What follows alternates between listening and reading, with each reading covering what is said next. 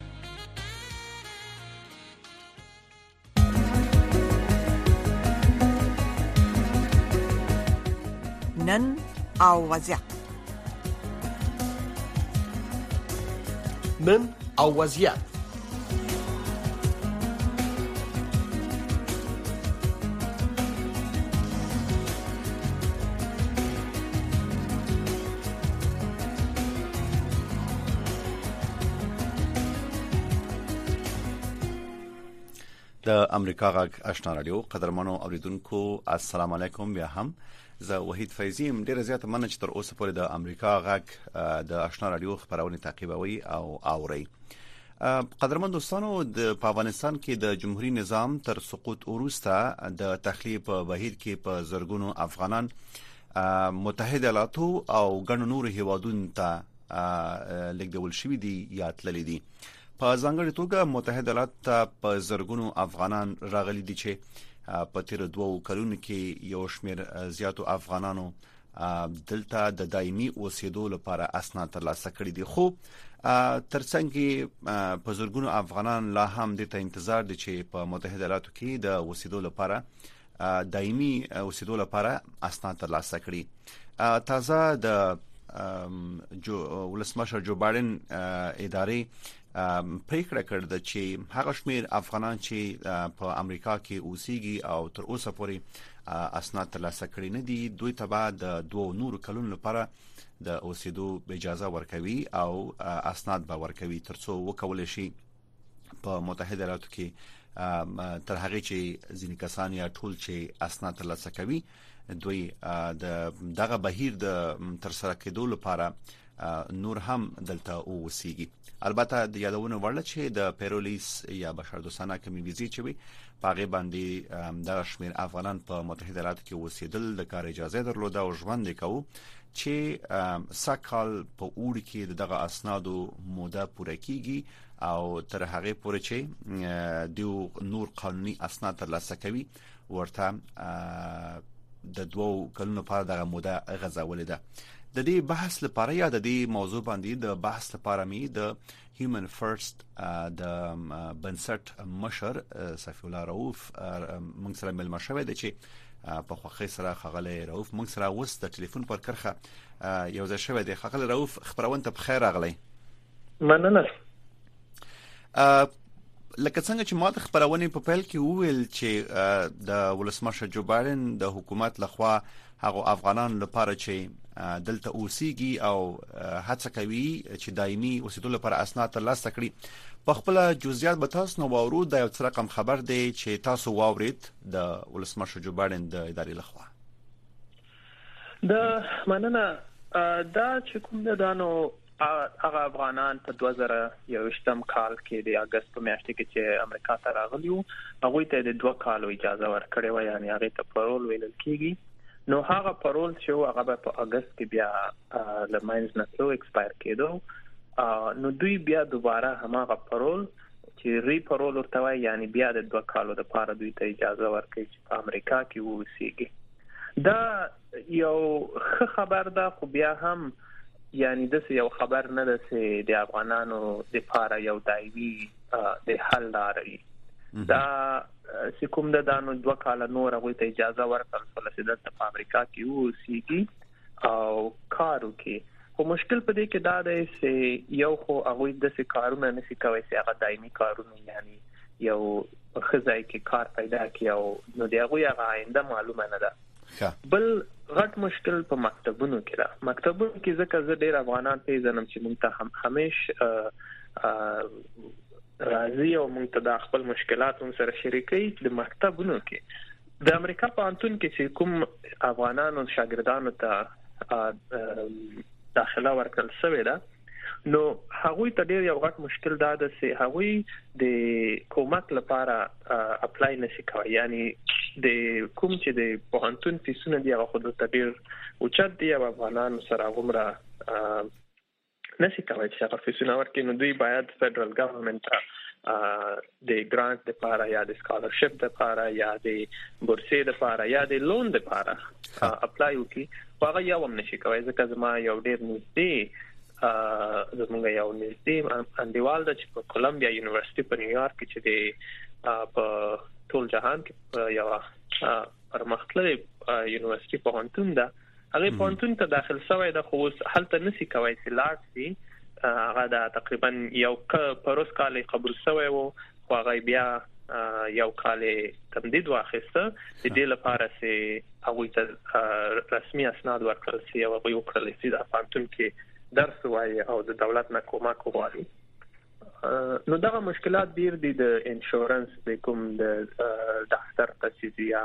دغه ډیر مشکلات دي نو د دې لپاره چې موږ مخکې هم ډیر هڅه وکړي چې باید د افغانانو لپاره یو دایمي د حل لار پیدا شي او د دایمي حل لار دا و چې باید دوی ټولو ته چې موږ د دوه کال سوي دي او دوی دا خلک دلته په امریکا کې پراته دي او به سرنوشت دي نو دا چې کوم دا اوس هیومانټرین پرول دی دا بیا د دوه کالو د پاره د دوی مشکلات حل کوي خو دا د سي دا کوم یعنی جالب خبر نه ده ځکه سي باید دوی د ځکه بل لار نه درلودله تقریبا دوه میاشتې مخکې د یوکرين چې کوم خلک دلته یو لک نفر امریکا ته انتقال کړي ول نو هغوی د پاره هم یو کال مخکې هغوی امریکا ته انتقال کړیو نو هغوی د پاره هم هم دغه یو لار بیا وټاکله نو دا باید یعنی دوی تقریبا اوس مې میاشت ده او په اگست کې د دوی پرول اپلای کیږي باید دا ډیر مخکې دا کار کړو د یوکرینیانو د پاره چې د هغه د افغانانو نه تقریبا یو کال بعد امریکا ته راوستل شو یوې پرول د افغانانو نه مخکې هغه ته اجازه ورکړه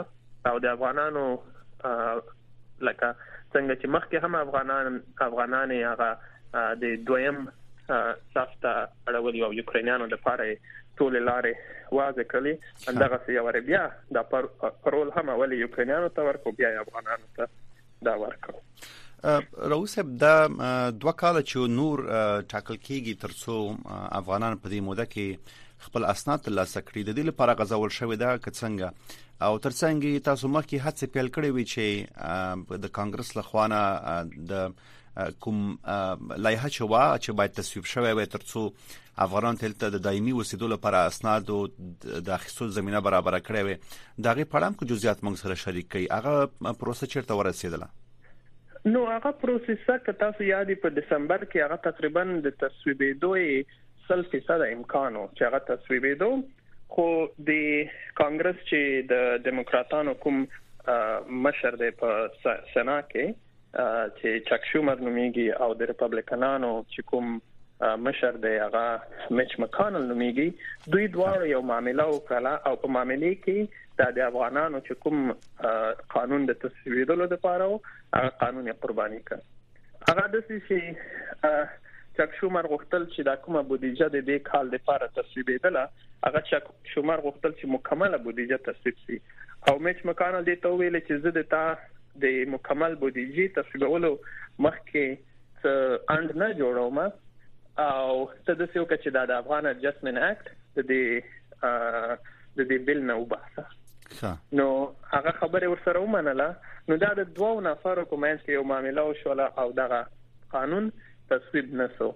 کني تقریبا موږ سره شپږ سناتوران او د کانګرس ټول غړي موږ سره موافق ول او ویل چې موږ تصویبو خو په اخر کې هغه اخري مرحله کې به چې هغه په باندې کله رائے ورکوله نو دا قانون به خي د هغه هغه نو ویست د رائے ورکولو له د اجنډا نه استل دی اجنډا نه ویست اوس که دا لایحه تصویب نشي څه ستونزې شته ځکه دا دوه کاله چې اوس وخت ورکړ شوی دی خدا به هم د دې تیر دوه کلونو په شان تیریږي که څنګه اوس مشکل دا دی چې دوه کاله خو تیر شول خو په دوه کالو کې چې افغانانو کوم مشکلات ولیدل هغه نه یو خدای خبر دی ځکه په ټکساس کې بعضې د افغانان ول چې وایي ته دومره غټ مشکلات چې وایي د دین چې په امریکا کې پاتې شو د مشکلاتو سره مخي هغه دا بهتره وګڼل چې بیرته افغانستان ته لاړ شي او هغه مشکلات چې حالت دي چې موږ ټول تینا خبر یو هغه هغه مشکلات په غاړه واخیستل او دا مشکلات ورته ډیرو ځکه چې په امریکا یو د څه ځای دی چې دلته کارونه کوي چې دلته انشورنسونه لري حیوانان د مکتب ته نشي تللی نو بیا دلته د امریکا د ژوند نکي دلته خو څوک شاسره کومک نه کوي دلته خو چاته څوک کور نه ورکړي څوک خپل کور کې نه پرېږدي دلته خو باید هر څوک کار ولري روزګار ولري یو لار ولري نو هغه یو هغه لار چې دا ډېر یو مشکل مرحله ده د افغانانو لپاره اوس څه کول پکار دي تاسو لکه څنګه چې ما مخکې پوښتنه وکړه هڅه مو خو پیل کړې وي تاسو د کانګرس د یو شمېر غړو سره تاسو وکتل سفرونه مو درلودل ترڅو د لایحه تصویب شي او د افغانانو ته چې په متحده ایالات کې اوسېږي د دایمي اوسېدو اسناد ترلاسه کړي. نو هغه هڅې موږ بیا هم پیل کړې دي او مخکې چې کوم هغه د کانګرسمینو د کانګرسمین پیټ میر په نوم باندې د میشیګن نه و هغه متاسفانه د کانګرس کې نشته اوس هغه زمونږ ډیر یو غټ سپورټر او زمونږ ډیر ډیر ملای وتړل هغه د دې لیډو هغه د دای معرفي کړو په کانګرس کې نو هغه لاړل او میشیګن کې دی اوس مونږ یو بل کانګرسمن چې د مکال په نوم باندې یادېږي د ټکساس نه دی نو هغه اوس رامخکې شوی دی او هغه باید قانون معرفي کوي په کانګرس کې کله چې کانګرس کې قانون معرفي شي نو دا غینه بعد به مونږ بیا خپل هڅه نور هم زیاتې کوو کوشش به وکړو چې په دې شپږو میاشتو کې دا قانون تصویب شي څومره هیلمندي شته د تاسو د دې کار یا په مجموع کې دلته افغانان ته د دغه لایحې د تصویبېدو لپاره امکانات خو ډیر دي ځکه چې مونږ مخکې هم ولیدل چې څومره زیات څومره زیات پشتیبانی او سپورټ مونږ درلوده مخکې مرحله کې او که هماغه بیا هم مونږ سره خلک ودرېږي ځکه که تاسو هغه وخت کې لیدلی په هغه اخیری وخت کې تقریبا شلس کوم د امریکا چې لوړپوړي چارواکي دی غوي د مون سره ودرېدل بعضی کوم جنرالانو چې په افغانستان کې وظیفه اجرا کړې و غوي ټول مون سره ودرېدل او د سنا د ټول غړي مون سره ودرېدل نو سپورټ به خې ډیر ده خدا سي د چې د بیا معاملګری ونسی نو ان شاء الله سي دا قانون د پاس یو شی چې زه غواړم روف سه پتا سورت باندې رڼا واچوي چې د تخلیه په بهیر کې خو بلا بل خلک د افغانستان نه راووتل لاړل لا یو شمیر یا زیات شمیر خلک چې ویل کیږي زیات مستحق دي لا په افغانستان کې پاتې دي که تاسو غوښتل پغې باندې هم معلومات یا جزئیات شریک کړئ او زیات شمیر خلک چې دلته راغلي دي دا څه فکر کیږي چې ټول به مستحقي یا باندې په دې اړه د شک ګمانونه چې دي په دې اړه هم که رڼا واچوي زما اساسي پوښتنه دا ده چې کوم افغانان چې دلته اوس اوسېږي دا ټول د دې مستحق کیږي چې په اصطلاح دلته په متحده ایالاتو کې د اوسېدو دایمي اسناد ترلاسه کړي که نه ځینې فرقونه او مسایل پکې شته؟ نو دا هم ډېر یو ښه ټکي ته مو اشاره وکړله او د دې لپاره ما ډېرو خلکو سره دا زه غواړم چې دا د دارو په دې باندې لګ روښنايي واچوم ځکه چې د افغان اډجسټمنټ اکټ دی په دې کې څه تنه په دې کې و نقطې دي یو نقطه په کې تنه دا ده چې د امریکا د امریکا کې کوم افغانان دي دوی ته دایمي اسناد ورکړل شي هغه شپږ نقطې نورې شې دي هغه ټول د هغه افغانانو لپاره دي چې په افغانستان کې دي یعنی تقریبا 100% د دې قانون چې دی هغه د افغانانو چې دلته دي د هغه لپاره دی 80% قانون د هغه افغانانو لپاره دی چې هغه په افغانستان کې یعنی هغه دا چې کوم کانګرس دی هغه د امریکا وزارت خارجه مجبوري چې هغه افغانان په افغانستان کې پاتې دي هغه باید انتقال کړي تقریبا 3 لک نفر چې هغه په افغانستان کې پاتې دي هغه باید امریکا ته انتقال کړي دا ډیر یو مهم ټکی دی په دې افغان اډجستمنټ اکټ کې ښه نو نو کله جزئیات نورم شریک کړئ آیا ټول افغانان کولای شي دلته چې راغلي دي همدا اسناد ترلاسه کړي بالکل هغه ټول افغانان چې راغلي دي هر څوک هر افغان چې دلته راغلی او پرول لري هغه به تنه خپل هغه ثبت نام نوم به ثبت نام کوي او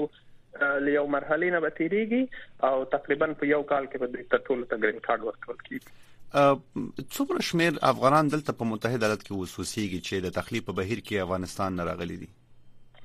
په تخلیه په بهیر کې خو تقریبا 1 لک 15 زره نفر ټول انتقال شوی ول د افغانستان نه نو په هغه کې تقریبا 80 زره چې وو هغه دیتا ضرورت درلوده چې باید قانوني اسناد دلته په امریکا کې واخلي نو په هغه کې بیا یو څه مقدار نورو هم له یوې لارې بلې لارې نه اسناد اخیستي دي خو اوس تقریبا 50 زره 50 نه تر 60 زره افغانان اوس هم پاتې دي چې هغه اسناد نه دي اخیستي صحیح دلته چې کوم افغانان اوس اوسېږي آیا دغه شمیر چې تاسو یاد کو ټولو یو شمیر اسناد تر لاسه کړی دي هغه به د تشویش نه وتلی وو اوسې څنګه ډیر کم مقدار بیخي ډیر کم مقدار تقریبا یو 12000 نفر چې هغوی اسناد ترلاسه کړي دي او په دوه کالو کې نو په دوه کالو کې تاسو حساب وکړئ چې 12000 نفر اسناد ترلاسه کړي دي او د 15000 نوري نه دا تقریبا کېدای شي څلور پنځه کاله وخت واخلي کله دې دا کوم رقم پروسس چې روانه ده کېدای شي څلور پنځه کاله وخت واخلي او هغه کوم چې اسناد اخیستي دی هغه اسانه ول لکه د څه خلکو چې دا وی هغه مشکل ډیر زیاتو او کله چې هغه اپلای وکړل نو هغه د هغوی د پاره او یا هغه خلک چې هغوی پیسې درلودلې وکیل یې ونیو او وکیل د هغوی کارونه مخکې بوتل ځکه چې د اسایلم ته د اپلای کولو لپاره تقریبا له 16000 ډالر نه ونیسه تر 15000 ډالر پورې مصرف دا مصرف په خپل د خلک ورکې چا چې اپلای کړل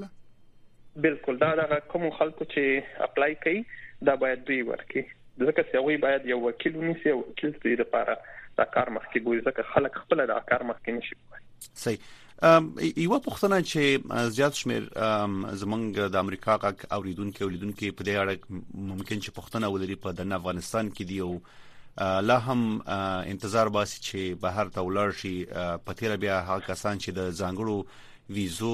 لپاره یې درخواستونه ورکړي دي د دې خلکو وضعیت یا د دې بهیر لا روان دي که څنګه د دې خلکو خو دا پروسیسر روانه ده پروسیسر ډیره ډیره سلو ډیره کرا ډیره په د سټرو چټک تور باندې مونږ غواړو چې دا ډیره په چټک تور باندې مخکې لاړ شي خو په دا د دې لپاره چې قانون نشته ځکه هغه کوم خلک چې اوس دا پروسیسر روانه ده او د امریکا وزارت خارجه دا کوم خلک چې اوس هم انتقالي دا د دې لپاره انتقالي چې په دوی باندې یو تنقید ونسی نو دوی قانون په لار باندې نشته نو که قانون جوړ شي بیا به مجبور دي چې دا کار په چټک توګه باندې مخکې بوزي ځکه چې کله دا قانون تصویب شي په د امریکا وزارت خارجه شپږ میاشتې وخت لري که په شپږ میاشتو کې هغه افغانان چې هلته پاتې دي د هغوی د انتقالولو لپاره یو لار را پیدا نکړي نو بیا دوی د باید د امریکا کانګرس ته جواب دی نو دغه لپاره مونږ ډیر په دې باندې زیات کار کوو چې دغه تصویب سي چې دغه افغانان هلته پاتې دي هغوی لپاره هم یو لار پیدا شي او د قانون ځکه چې په اوس د کېدای شي جو بایدن یو کال یو نیم کال بعد د امریکا رئیس جمهور نه ځکه چې کله بل رئیس جمهور راشي او کېدای شي چې هغه جمهوریت خوای او جمهوریت خواهان چې دی هغه د دې پروسې ډیر خلاف دي ځکه چې هغه کله جو بایدن د خلک د افغانستان نه انتقال کړی ول هغه وخت هم دی باندې ډیر زیات تنقید کړو نو که رئیس جمهور بل راسي کې د شي دوه کال بعد چې دوی بیا پرول ته ضرورت دي نو هغه به خي پرول ورنکي ځکه چې جو بایدن به رئیس جمهور نه څومره شمیر افغانان اوس په دنه افغانستان کې د په اصطلاح تخلیه بهیر ته یا د افغانستان د وټلو بهیر ته انتظار دي تقریبا زمونږ په شمیر باندې هغه خلک چې کوم اوس قانوني اسناد لري چې د اس آی وی او د امریکایانو سره په بابت کې کار کړی وو هغه تقریبا 15000 زره پرنسپل پرنسپل 15000 زره نفر دي چې هغه کار کړی وو بیا په دې 15000 زره کې هر څوک فامیل لري یعنی هر یو نفر تقریبا له درې نفرو نه ونیسه تر 15 او شپږو نفرو پورې فامیل لري نو هغه بیا سي تقریبا 3 څلور لک نفر ته رسیدي صحیح دلته په متحده ایالات کې کوم کسان اوس اوسېږي دوی د کار اجازه لري د دا یو ګوره یو ور چې دوی د دې ریپرولو سی بیا بدل ټول دا ټول به بیا ځکه چې هغه د کار کوم اجازه د هغه جدا ده له پرول نه کله چې دا خلک پرول سي بیا به دوی د کار د پرمټ لپاره هم اپلای کوي او بیا کله چې د کار پرمټ واخلي نو دوی کار نو یعنی هغه دا چې کار کوي شي کار کوي شي خو د څه کار نه سي هغه د دوی لپاره یو دایمي کار دی صحیح په خپل چې د افغانان دلته راغلي تاسو ورسره لیدلې دي تاسو ورسره په تماس کې استې دي او غوښتنې یا هلي څه دي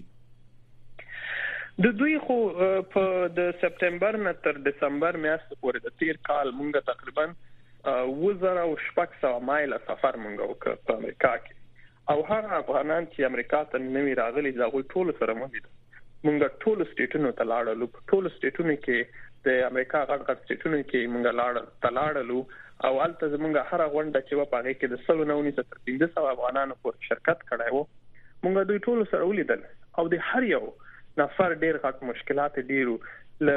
مکتب نه ونی ستر بعضې د سیوانانو چې دوه کلن درې کلنو چې هغه په ګډوډۍ کې را وستل شوی او مور پلار یې وسم پاتې دي یا بیا د څه خلک چې مور پلار یې را وتل شوی ول او اولاد ټول ته پاتې دي نو دغه ترڅو پورې چې دوی قانوني دایمي اسناد وانخلي دوی نشي کوي چې هغه بیرته ځان سره دلته امریکا ته انتقال کړي هغه چې د چا مور او پلار پاتې دي یا د چا اولاد پاتې دی نو دغه یو غټ مشکل دی بیا د څه خلک دي چې یو غړی د فامیل راغلی دی هغه خزه یا میړې هلته پاتې دی د اولاد سره نو دا ډیر غټ مشکلات د افغانانو ته چې په ټول امریکا کې ورسره مخ دي او دا یو یا دوه یا درې نفر نه دي په زرهاو نفر دي په زرهاو نفر دي چې په دې مشکلاتو باندې اوس اخته دي او دا خلک متاسفانه ترڅو چې د دوی قانوني اسناد نه راغلي دوی نشي کولای چې هغه خپل فامیل سره بیرته یو ځای شي درست مخکې تاسو په یو لړ ستونزو باندې اشاره واچوله او کوم شمیر افغانان چې دلته راغلي دي طبیعي خبره ده چې ماشومان ورسره دي د دیو د خوانځیو ته د تک مسلې په اړه کله جزئیات نور مونږ سره شریک کړي آیا دا ماشومان کول شي چې خوانځیو ته لاړ شي او خپل زده کړې پر مخ یوسي د دولسم نه ټیټ چې کوم دی هغه خو کوي شي چې خوانځي ته مکتب ته لاړ شي د دولسم نه چې کوم ټیټ دی له دولسم نه چې جک په هانتون ته ځي نو دا خلک به یا به د سې کوي چې د خپل جیب نه به مکمل مصرف ورکړي د هر شي مصرف یعنی فیس او خوراک سکاک او د وسیدو د ټولو مصرف به ورکړي او بل کومه لار نه شته او عموما په امریکا کې چې هر څوک درس ته ځي پانتون ته نو دوی سره یو څه کومک کیږي ګرانټس ورکول کیږي چې فدرال ګرانټس دي او سټیټ ګرانټس دي او سکالرشپ یعنی بورسیه دي او دا غي نه علاوه بیا کوي چې دوی لون هم واخلي یعنی قرضه واخلي د دولت نه او هغه قرضه بیا کله چې دوی د پانتون نه فارغ شي خونځې نه نو بیا کوي چې هغه بیرته ورکړي او دا اوس فعلا هغه کار دوی نشي کوي او دا قرضه په هغه صورت کې دا زده کون کې اخستې شي چې د قانوني اسناد ولري بالکل باید ګرین کارت ولري صحیح رؤف صاحب د سکهال چې وستلورمه میاشته او مې میاشته پنځمه میاش شروع شوې ده د هدف د دغه پیرول د ویزو د غزول لپاره دغه نورسته د افغانان د دایمي اسنادو د اخیستو لپاره کوم پلان په لاس کې نیول شوی دی که جزئیات موږ سره شریک تاسو په خپل مخکې کڅام اشاره وکړه چې د کانګرس یو شمېر غړو سره بګوري ترڅو هغه لایحه چې د دایمي اسنادو اخیستو لپاره واغه تصویب شي نو څو څو لایحې دي یو خو هغه لایحه ده چې هغه لایحه ډیره یو مهمه او ډیره ښه لایحه ده هغه خو یو لایحه ده او دغه د لپاره ډیر کار ته ضرورت دی نو هغه خو یو د دویمه ده چې دا خلک هر څوک کوي چې اسایلم ته اپلای وکړي نو اسایلم ته اوس هم یو څه مقدار خلکو اپلای کړی دا او بعضي دا سړي چې مفت د بعضي د کومېزه بشري موسسې چې کومې دي هغه موسسې دوی سره کومک کوي چې دا د اسایلم د پاره دوی خپل نوم درج کړي هغه خو یو لارې ده نو نورې بیا دومره لارې نشته دي تنه دغه دوه لارې دي فعلا او د دوی چې کوم د امریکا وزارت داخله دی د امریکا وزارت داخله موږ ته تقریبا یو میاشت مخکې ویلي و چې دوی دا د بایدن چې کوم اډمنستریشن دا وی دا ری پرول د پاره د پرول بیا د افغانانو د پاره د دوه کال د پاره بیا قبلې خو موږ خپل ورسره په دې کې تمره موافق نه یو ځکه چې دا یو د حل لار نه ده تاسو مخکې شراو کړ چې د حل لار د یو دایمي اسناد ورکول دي بالکل نو چې دایمي اسناد کدوې دلته په امریکا کې دوه کالې څلور کالې لاس کالې او دایمي اسناد نو کومه ګټه نه لري صحیح خو هغه مشکلات چې دوی لري هغه مشکلات چې دوی نه حل کوي بله هغه شمیر کسان چې اسالم ته اپلای کړی دا او هغه کیسونه رد شوی دي دوی هم د دغه نوي پروګرام کې د پیرول کې شامل دي او به دي به ته بیا کول شي چې اسالم ته اپلای وکړي که څنګه اسالم ته خو دوی اپلای کوي سي خو په اسالم کې تاسو وګورئ هغه ډیر یو پیچیده پروسیسه ده ځکه دې کې زیاتره عسکر دي چې هغه امریکا ته راغلي دي نو په اسایلم کې دوی ناوله پښتنه دا کوي چې تا چیرته کوم نفر دی وژلای دا یا دې کوم وخت د توپک استعمال کړی دا نو دا ډیر یو احمقانه پښتنه ده هغه ټول عسكر ول نو عسكر څنګه نشي کوي څنګه ته تینا پښتنه کوي چې تا چیرته سلا سلا نه دې کار اخیستی ده یا سلا باندې پوهیږي یا په نظامی کې دې وظیفه اجرا کړې ده ځکه دا هیومانیټریان پرول چې دا ډیر یو خاص دا اسایلم ډیر یو خاص پروسیسه ده دا د هغو خلکو لپاره ده چې هغه د خپل مملکت نه په تیښته باندې د دې لپاره چې د هغه ژوند په خطر کې دی بالکل په افغانستان کې یو خاص وضعیت رامنځته شو هغه دا د هغه لپاره دا ډیر مشکل دی ډیر مهمه مسله ته یا جالبه مسله تاسو اشاره وکړه اوس دغه کسانو برخلیک به څنګه کیږي نو دغه دغه لپاره مونږ هم ډیر تشویش یو تقریبا سلوي غزنه نفر دي چې هغه په نظامی کې او دغه سلوي غزنه نفر د لپاره ډیر غټ مشکل ده نو دغه لپاره دغه حل ته نه دغه یو لار ده هغوی چې هر وخت اسایلم ته اپلای وکړي که لس وارې مسایلم ته اپلای وکړي هغوی بیا رد کیږي نو یو لارې حل اندغه د چې دا د کوم قانون چې دا تصویب شوی دی قانون لاره نه دوی ټول تاسو نه تلسي صحیح نور عمده اندېښنې یا مشکلات هم شته د دغه کسانو په وړاندې کنه نو دغه خو ټولو کې کلیدي مشکل همدغه دی چې دوی اسناد نه لري او د اسناد د نه شتون له وجې نه دوی ته هر مشکل پیدا کېدای شي ځکه چې بعضې وخت که دوی وغواړي چې یو کور په کرا ونیسي نو هغه د کور مالک ته دا خبرې چې دا نفر چې دا دایمي اسناد نه لري او دایمي کار نه لري نو بعضې وخت هغوی ته هغه کور هم په کرا نه ورکوي نور خو دا خو یو ډېره وړه مسله ده نور ډېر غټ غټ مسلې دي چې هغه ورته وڅفیلن او بل دوی کېدای شي غټه مسله ټولو کې دا د غټ ټولو کې غټ تشويش دا ده چې کله بل رئیس جمهور راس یو کاغه جو بایدن نه واغه د جمهوریت خواهانو د څنګه نو دا څلويغ زره نفره مونږه سل په سلو کې مطمئن یو چې دا ټول خلک بیرته ډیپورت کړي د بچر ته زیبت په افغانستان ته ځي نو د افغانستان ته کېدای شي چې افغانستان ته بیرته ډیپورت نکي ځکه چې په دوی د یو د امریکا چې کوم د په قانون کې دوی یو قسم پروتکشن لري چې دوی افغانستان ته بیرته نشي ډیپورت کوي خو کوي چې یو دریم مملکت ته ډیپورت کړي د خبرونه په ورسې د کې کیو دلته په متحده ایالاتو کې هغه شمیر افغانان چې د تخلیب بهیر کې راغلي او د نه په افغانستان کې له هم یو شمیر کسان چې لا پاتې دي دلته د متحده ایالاتو دراتک هلري تاسو پیغام څه دی کولن پیغام تاسو نه وورو نو پیغام خو زمونږ دغه دی چې تاسو باید هڅه خپل هڅو ته دوام ورکړئ باید تاسو د رسنیو نه کار واخلئ او کوم سوشل میډیا دا یعنی د ټویټر فیسبوک دغه شان کېدای شي افغانان دا فکر کوي چې دغه موضوعات چې دوی کله په دې باندې خبرې وکړي کوم اثر نه کوي خدا غلطه ده باید دوی ټول خپل هڅو ته د ادامه ورکړي چې په افغان امریکا کې دی په افغانستان کې دی هر چیرته دی او باید د خپل ځان لپاره یو آینده جوړ کړي د خپل ځان لپاره د اولاد لپاره د فامیل لپاره او هغه افغانان چې هلته پاتې دي باید د هغوی لپاره هم هڅې وکړي ډیره زیاته مننه د هیومن فرست بنسټ مشر خغله سفیر اوف چې په دې بحث کې مو موږ سره ګډون وکړ او خپل معلومات مو شریک کړل مننه د تاسو نه ډیره زیاته قدرمن دوستانو د خبرونه هم په څو شیبو کې پای ته رسیدي ل ملتیا مو ډیره زیاته مننه د امریکا غږ نور خبرونه جریان لري لمک سره پات شي تر بیا خې چاره